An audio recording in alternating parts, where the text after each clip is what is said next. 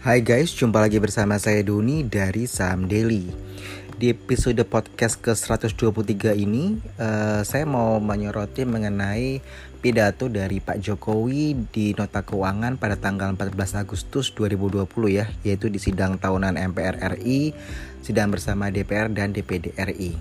Jadi kalau teman-teman uh, simak ya, isi dari pidato Pak Jokowi itu di mana pemerintah itu mengalokasikan anggaran sebesar 356,5 triliun uh, untuk pemulihan ekonomi nasional jilid 2. Jadi kalau teman-teman sudah familiar dengan istilah PEN itu ya, PEN, di situ di mana 356 triliun itu akan dialokasikan dalam APBN 2021.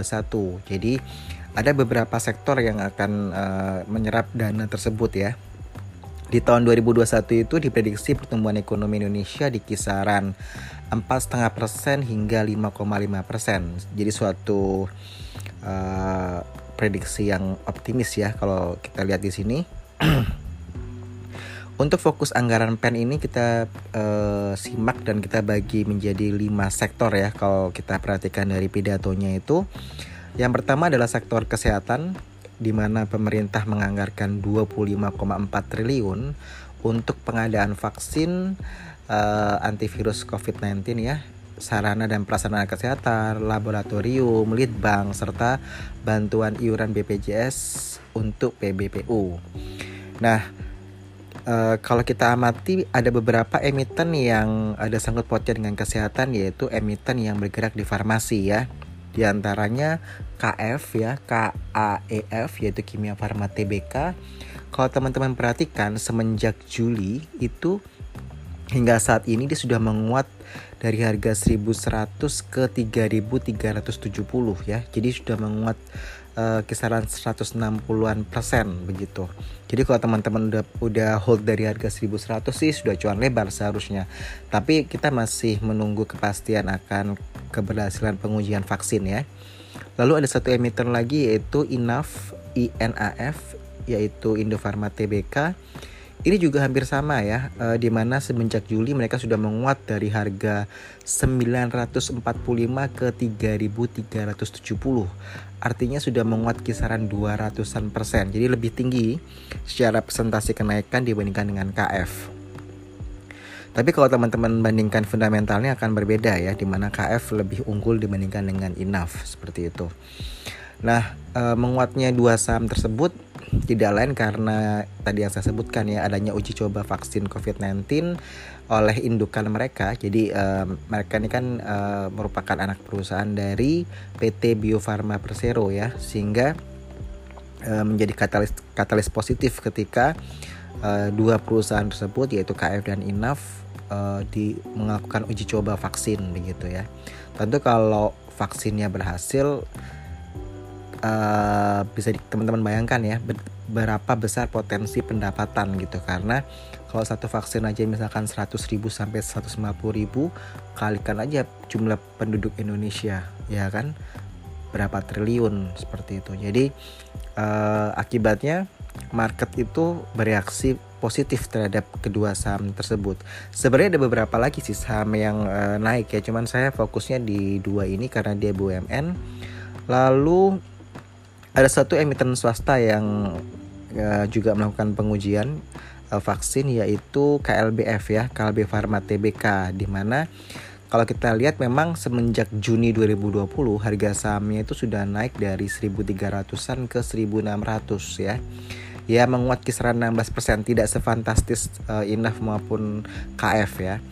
Uh, ini dipicu uh, kenaikan 16 persenan ini adanya kerjasama antara KLBF dengan perusahaan asal Korea Selatan yaitu Genesin ya, di mana uh, hal tersebut uh, membuat harga sahamnya naik ya. Kalau 15 persenan itu termasuk baik ya, termasuk bagus di kala COVID ya.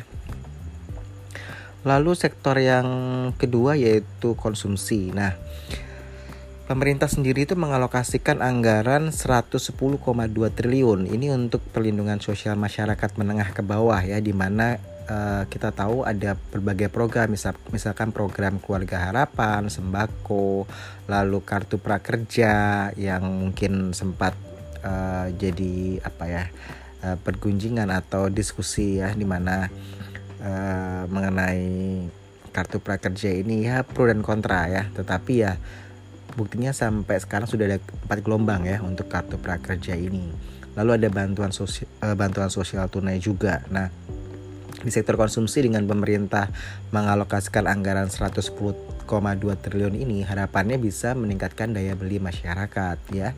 Kalau kita bilang uh, bicara mengenai konsumsi yaitu erat kaitannya dengan emiten-emiten seperti INDF ya, PT Indofood Sukses Makmur TBK, lalu ICBP, PT Indofood CBP Sukses Makmur TBK, lalu yang populer banget yaitu Unilever ya, UNVR itu pasti akan mendapatkan sentimen positif. Kalau teman-teman tracing back ke belakang di mana ICBP sendiri itu sahamnya sudah naik ya, sekarang sudah di level 10 ribuan ya. E, bayangkan waktu itu sempat turun ya. Jadi banyak yang panik ketika isu bukan isu sih, tapi emang rencana mereka untuk mengakuisisi perusahaan di luar Indonesia ya dengan dengan utang yang ter, uh, dengan melakukan hutang yang cukup besar sehingga menjadi suatu polemik. Tetapi kalau kita fokus ke kinerja operasionalnya sih harusnya tidak dikhawatirkan ya. Karena memang uh, tentu saya yakin bahwa ICBP sendiri Indofood ini sudah memikirkan langkah-langkah yang memang tepat sehingga mereka berani untuk melakukan akuisisi seperti itu uh, terkait dengan konsumsi juga nggak lepas dari namanya emiten retail ya. Emiten retail ini seperti MAPI ya MAPI PT Mitra Adi Perkasa TBK lalu ada S Hardware ya. Nah ini yang memang uh, biasanya uh, kalau daya beli masyarakat meningkat ya dengan adanya tadi bantuan-bantuan uh, baik tunai maupun sembako maupun program keluarga harapan. Nah, di sini biasanya akan uh, meningkatkan daya beli sehingga emiten-emiten retail ini juga uh, akan mendapatkan dampak positif ya. Sebenarnya masih ada kayak misalkan emiten RAS atau LPPF cuman mungkin uh, teman-teman juga harus consider mengenai kinerjanya mereka juga ya. Jadi bisa teman-teman cek juga uh, yang mana yang menurut teman-teman itu pas untuk Anda kein ya. Lalu ketiga adalah sektor pariwisata. Jadi memang ketika COVID-19, sektor pariwisata adalah sektor yang pertama kali merasakan dampaknya ya, terutama untuk di Bali ya. Nah, di sektor pariwisata ini pemerintah menganggarkan 14,4 triliun di mana uh, kalau fokus di sektor pariwisata dengan uh, anggaran sebesar itu uh, tentu penerbangan lalu perhotelan akan mendapatkan manfaat ya dari sisi pariwisata. Uh, salah satu mungkin saya kasih contoh emiten yang untuk di pariwisata itu kayak Garuda Indonesia ya GIAA lalu ada Hotel Said Jaya TBK SHID lalu ada PT Panorama Sentra Wisata TBK kode emitennya itu PANR ya PAN PANER gitu ya PANR tapi nanti teman-teman bisa lihat ya karena sebenarnya masih banyak lagi sih emiten-emiten hotel tuh masih ada beberapa ya. Kalau bicara GIAA pasti ada sangkut pautnya dengan GMFI ya, maintenance-nya Garuda di situ. Jadi ini uh, saya kasih list yang uh, mudah diingat saja. Nanti kalau yang lain-lain teman-teman bisa juga uh, screening sendiri ya, seperti itu. Termasuk dengan fundamentalnya. Lalu untuk yang sektor keempat yaitu MKM ya. Jadi usaha mikro kecil dan menengah ini uh, mendapatkan support dari pemerintah lewat subsidi bunga kredit usaha rakyat ya KUR itu. Lalu ada pembiayaan, penjaminan dan penempatan dana di perbankan. Ini total anggarannya itu 48,8 triliun ya. Nah, dengan penempatan dana di perbankan itu tentu positif bagi emiten-emiten perbankan ya. Contohnya BMRI ya PT Bank Mandiri Persero lalu ada BBNI Bank Negara Indonesia lalu ada Bank BRI BBRI ya. Dan kalau sektor perbankan mungkin yang kita menarik lihat adalah uh, bank daerah ya, uh, misalkan BJBR, BJTM begitu. Lalu yang syariah kita bisa lihat BRIS ya, BRI Syariah di mana uh, BRIS ini dia meningkat dari harga 300-an hingga sampai 600 ya hari ini. Di mana hari ini saya bicara tanggal 18 Agustus ya 2020. Tentu yang kemarin uh, udah masuk di BRIS uh, sudah senang ya karena uh, naik uh, dari 300 ke 600 kan berarti uh, sekian persen begitu ya itu suatu uh, kebahagiaan lah dengan modal modal kecil Anda bisa masuk di BRIS. Lalu kalau untuk uh, sektor perbankan memang yang lagging adalah BN BBNI ya Bank Bank Negara Indonesia. Tapi sekarang ini kan kalau kita lihat BBNI sudah masuk ke area 5000 ya. Jadi kalau dulu dari 9000 drop ke 3000 sekarang 5000 ya kalau anda yang masih hold ya ketika saat itu atau anda benar-benar gain di kisaran 3000 atau anda averaging down hingga sampai di 4000-an mungkin ya saat ini kesabaran anda terbayarkan ya karena memang dia sudah sampai di level 5000 walaupun uh, ekspektasinya masih bisa lebih daripada 5000 untuk Bank Negara Indonesia. Jadi memang banyak analis yang menyarankan untuk uh, key in di BBNI. Secara fundamental masih baik ya, uh, cukup baik untuk Bank Negara Indonesia. Sektor kelima adalah infrastruktur di mana uh, pemerintah untuk tahun depan itu dia menaikkan anggaran untuk Kementerian Pekerjaan Umum dan Perumahan Rakyat ya PUPR itu uh, naik 79% menjadi 149,81 triliun. Nah, kalau bicara infrastruktur ada emiten-emiten yang uh, erat dengan infrastruktur yang memang bergeraknya di situ ya, yaitu uh, eh, ADHI, ADI ya, ADI Karya, lalu WSKT, PT Waskita Karya, lalu ada PT PP Persero dan yang saya suka adalah uh, PT Wijaya Karya Persero ya, yaitu Wika. Jadi emang kalau dari infrastruktur kami sangat uh, mengidolakan Wika ya karena memang dari segi kinerja lalu kontrak-kontrak yang dia miliki baik dalam negeri maupun di luar negeri seperti itu. Nanti teman-teman bisa dig out lebih dalam lagi, digging out lebih dalam lagi mengenai uh, sektor infrastruktur. Dulu saya sempat ada podcast mengenai uh, saham-saham yang kalau saya nggak salah podcast ya, ya untuk yang uh, ibu kota baru ya Nah, jadi di situ juga hampir sama uh, kalau kita bicara uh, pengembangan ya.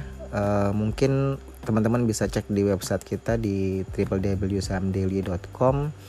Saya lupa kayaknya saya pernah tulis dan saya pernah uh, oh ya betul. Jadi di kalau Anda masuk di sahamdaily.com dia ada artikel saham-saham terkait ibu kota baru ya. Jadi situ kalau uh, kita melihat uh, ada beberapa hal yang berkaitan dengan ibu kota baru dan memang kalau seandainya nggak covid mungkin ini uh, saham-saham yang saya sebutkan di website saya maupun di podcast itu uh, sudah bisa melaju dengan baik ya kinerjanya. Cuman tertahan karena covid. Ya siapa yang tahu ya kalau akhirnya di tahun 2020 ini tahun yang memprihatinkan bagi kita dan ya kita saling support lah begitu. Semoga harapannya uh, vaksinnya ketemu obatnya ketemu. Tadi saya sempat baca bahwa dari Erlangga sendiri Universitas Erlangga uh, bekerja sama dengan beberapa institusi katanya berhasil menemukan atau memformulakan obat untuk COVID-19 jadi bukan vaksin ya tapi obat. Nah kita masih belum tahu apakah valid atau tidak uh, apakah akan mendapatkan izin dari PP POM? Nah itu kan kita tidak tahu. Tapi apa pun itu kita berharap yang terbaik bahwa vaksinnya bisa ditemukan uh, dan obatnya juga ada begitu. Sehingga ketika ada teman-teman yang atau tetangga kita atau relasi kita yang kena COVID-19 even itu kita nggak kenal uh, at least mereka bisa ditangani dengan baik ya bisa sembuh gitu dan memang kalau saya lihat sih uh, berdasarkan apa yang uh, saya lihat di lingkungan saya ada beberapa teman yang kena lalu ada tetangga yang kena seperti itu ya. Rata-rata sih disuruh istirahat ya. Ya emang mereka uh, karantina ada yang di rumah sakit ada yang karantina mandiri beberapa hari mereka udah pulih lagi. Jadi uh, walaupun tidak ada vaksin maupun obat ya. Tapi at least yang memang tidak terlalu parah mereka bisa recovery beberapa hari setelah mereka istirahat yang cukup minum vitamin. Nah uh, saya sih masih optimis ya bahwa uh, Indonesia pasti bisa bangkit di momentum yang kemarin kita merdeka 17 Agustus yang ke 75 tahun. Harapannya sih uh, sektor sektor yang tadi mendapatkan uh, fokus dari pemerintah dengan dana yang sekian besar itu uh, dan alokasi dananya juga tepat ya. Semoga itu uh, kalau kita sebagai trader atau investor mungkin uh, kita sudah cukup apa senang dengan rebound ya. Karena kalau kita lihat dari Maret hingga saat ini sebenarnya IHSG itu sudah menguat ya. Tetapi belum kembali ke titik sebelum uh, COVID-19 begitu. Jadi harapannya sih kita tetap optimis semoga yang namanya resesi dan kalaupun itu terjadi di Indonesia kita bisa melaluinya begitu ya. Jadi memang kalau dulu uh, sempat kita minus 39% ya uh, ya kisaran segitu ya 36 atau 39 saya agak lupa Lalu hingga uh, saat ini sih kalau kita lihat year to date itu IHSG minusnya 15%. Jadi sudah ada kemajuan di mana sekarang IHSG tadi sempat touch di 5300 di mana kita cukup happy ya. Kalau dia bisa kembali ke 6000 itu uh, ya kita patut syukuri di mana even uh, ekonomi kita minus tetapi uh, pasar modal khususnya pasar saham ini uh, menunjukkan pemulihan seperti itu. Jadi tadi yang sempat saya sharing ya saham saham-saham yang kita pantau ada hubungannya dengan uh, pidato dari uh, nota keuangan Pak Jokowi ya di Jumat kemarin 14 Agustus. Semoga ini bermanfaat buat teman-teman.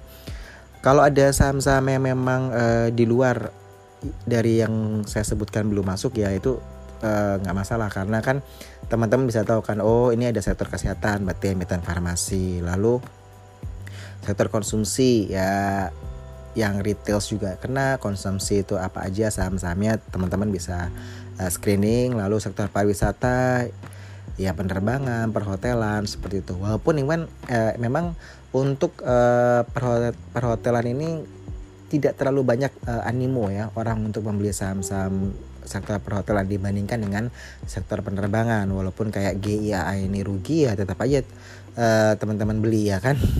Seperti itu. Karena kita melihat demandnya juga begitu. Kalau yang UMKM terkait dengan perbankan ya ekonomi ya tidak lepas dari namanya perbankan. Sehingga uh, harapannya teman-teman sudah tahu kan ya uh, emiten-emiten yang memang bagus. Kayaknya saya ada pernah sharing mengenai sektor perbankan itu di awal-awal podcast kita ya itu kalau saya nggak salah di episode sebentar. Saya scrolling ke bawah dulu. Kayaknya episode keempat ya. Jadi 5 sambang di LQ45 jadi kalau teman-teman mau uh, lihat lagi untuk mengenai sektor perbankan bisa di episode 4 podcast kita. Lalu kalau untuk uh, yang saham-saham lain mungkin Unilever kita pernah review juga ya. S Hardware kita pernah review di episode 23 podcast kita. Lalu sebentar saya scrolling ke bawah. Kayak Indofood dan ICBP di episode 28 podcast kita. Kino itu juga termasuk dalam consumer ya. Anda bisa juga lihat di episode 30 lalu ini Indofood sama ICBP saya ada dua episode ya kalau saya tidak salah. Ya episode 28 dan episode 32 uh, eh, terus sebentar saya scrolling lagi. Untuk saham-saham yang tadi saya sebutkan kayak ada beberapa yang sudah saya review di kayak MAPB ini kan Starbucks ya. Ini juga bisa masukkan summer. Lalu WG ini masuk ke konstruksi itu ada di episode 52 kemudian sebentar saya lihat lagi. Untuk eh, bank BTPS ya yang syariah. Tadi saya sempat sebutkan BRIS juga ya. Brace itu juga pernah saya review. Kalau BTPS itu saya di episode 69 ya. Teman-teman bisa uh, dengar lagi lalu untuk yang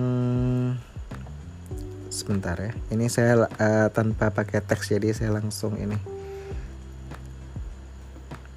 Ya, HMSP dan UNVR tuh di episode 94 ketika saya bicara mengenai free float. Untuk yang Breeze itu kayaknya episode yang ter masih baru-baru kok ya. Sebentar. Oke, yang Consumer Good itu dia ada di episode 107 juga. Lalu untuk yang Bris itu ada di episode sebentar. Ini kayaknya oke, okay, 119. Jadi saham Bris itu saya sempat uh, sharing di podcast kita di episode 119. Sebenarnya kenapa saat itu saya sharing mengenai saham Bris karena yaitu tadi dia dari harga 300-an langsung uh, naik ke 500 dan saat ini hari ini dia di 600-an ya.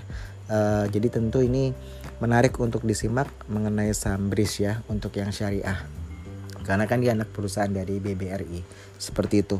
Jadi semoga uh, podcast yang kali ini bermanfaat buat teman-teman karena emang uh, kemarin ketika selesai pidato itu banyak banget DM yang masuk di Instagram Saham Daily. Jadi saya baru sempat uh, lihat saya klasifikasikan ya. Jadi dari uh, pidatonya itu baru saya uh, kategoriin lalu lalu saya cari emiten-emitennya jadi maaf ya kalau terlambat uh, pidatonya tanggal 14 saya baru buat podcast tanggal 18 jadi mohon maaf banget karena kita sempat liburan jadi ya semoga podcast ini bermanfaat buat teman-teman saya Doni dari Sam Daily out